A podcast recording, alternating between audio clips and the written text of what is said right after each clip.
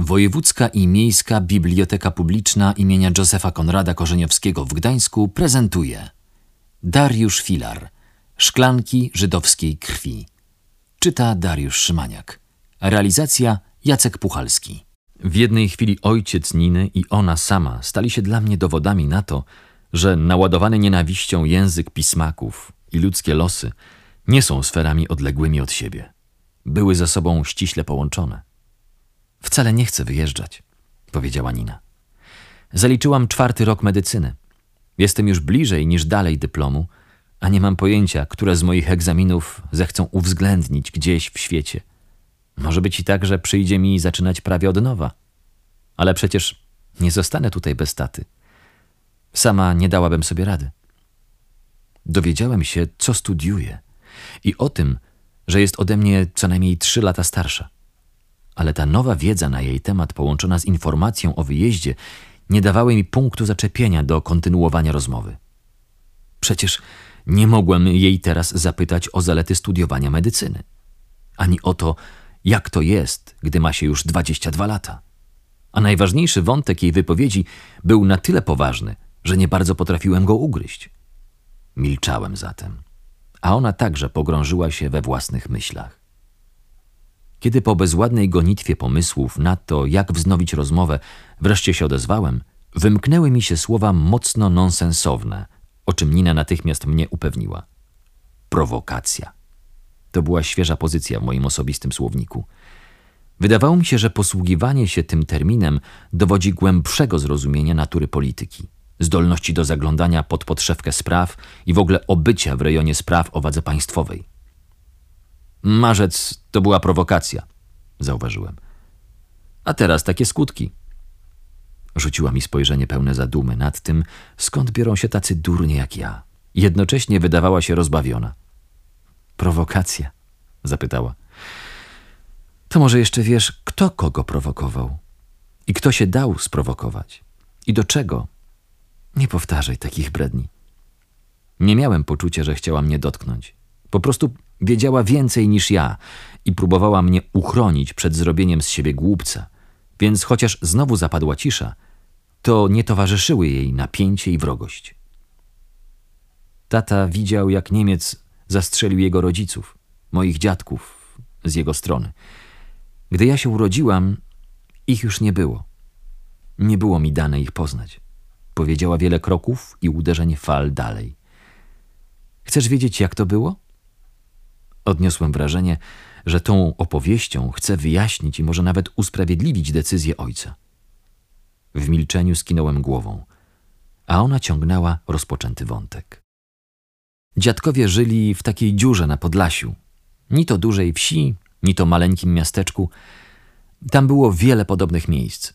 Większość polska i katolicka, ale obok niej kilkanaście czy nawet kilkadziesiąt rodzin żydowskich, a czasem jeszcze jacyś prawosławni.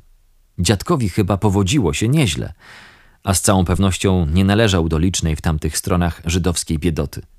Dorobił się sklepu towarów bławatnych położonego przy placu, na którym dwa razy w tygodniu odbywały się targi ściągające chłopów z okolicznych wiosek.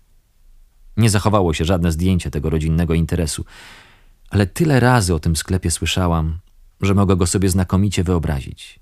Trzy schodki prowadzące do wejścia – skromne okno wystawowe z dwiema czy trzema belami sukna albo bawełny i może pudełkiem guzików oraz szpulką tasiemki.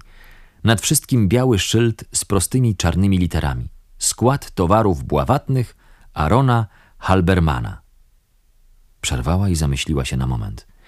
A ja byłem pewien, że przed jej oczyma ukazał się teraz ten brukowany polnymi kamieniami plac, te koślawe domki wokół i ten sklepik. W 1941 Niemcy doszli do wniosku, że takie małe, rozproszone skupiska Żydów utrudniają realizację ich planów i przystąpili do tego, co nazywali koncentracją ludności żydowskiej. Z małych mieścin i wsi przepędzano ludzi do większych miejscowości, w których ogrodzenia z kolczastego drutu otaczały getta. Więc tam, gdzie żyli moi dziadkowie, też zaczęto mówić o tym, że w każdej chwili może nadejść dzień, w którym przyjdzie się przenieść do Sterdynia, Sarnaków czy Siedlec. Tyle, że przenosiny mogły rzeczywiście zakończyć się w jakimś nieodległym getcie, ale mogły także, zwłaszcza gdy grupa przenoszonych nie była zbyt duża, doprowadzić tylko do dołu wykopanego w najbliższym lesie.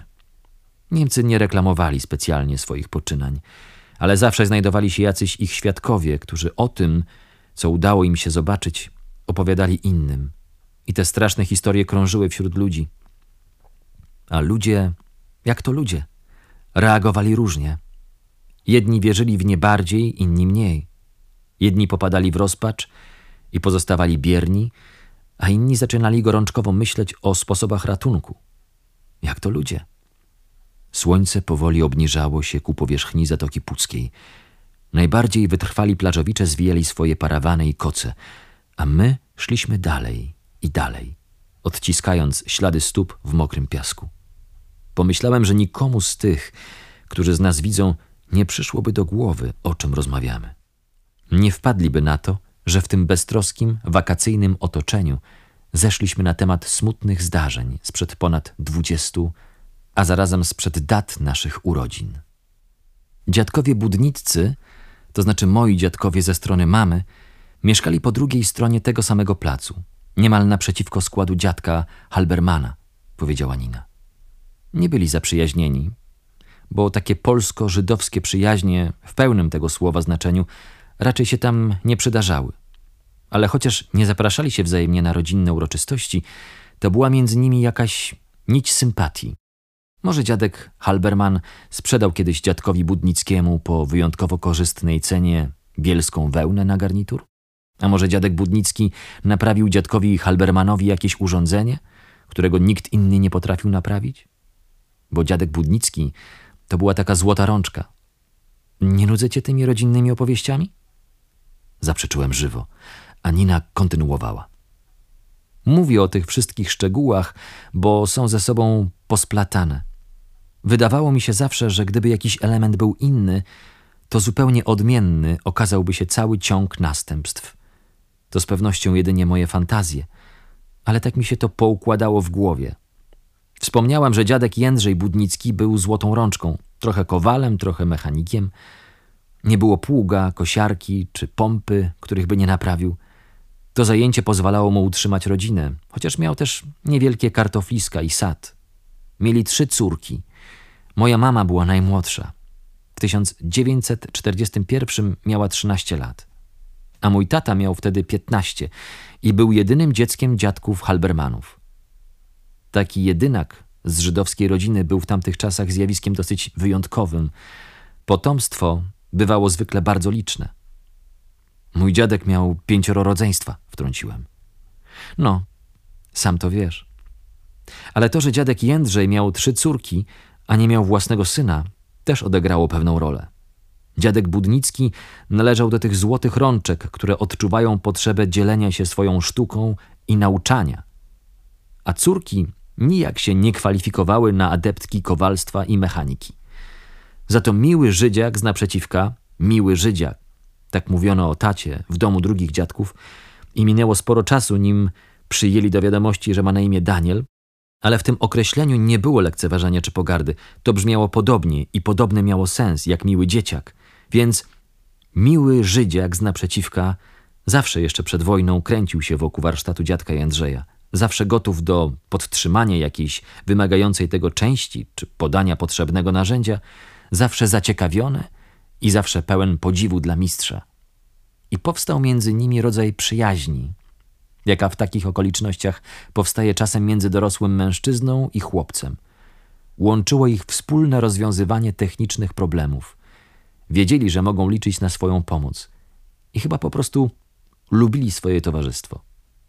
Zastanowiłem się, czy Nina nie idealizuje trochę międzyludzkich stosunków panujących przed laty w podlaskiej mieścinie.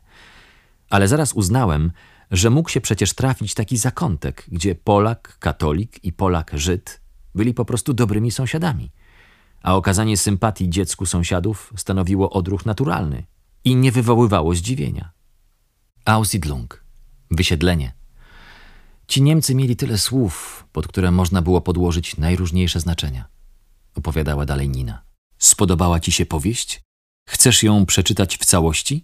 Szklanki żydowskiej krwi Dariusza Filara do kupienia w niektórych filiach Wojewódzkiej i Miejskiej Biblioteki Publicznej w Gdańsku lub sklepiku online na stronie www.wbpg.org.pl.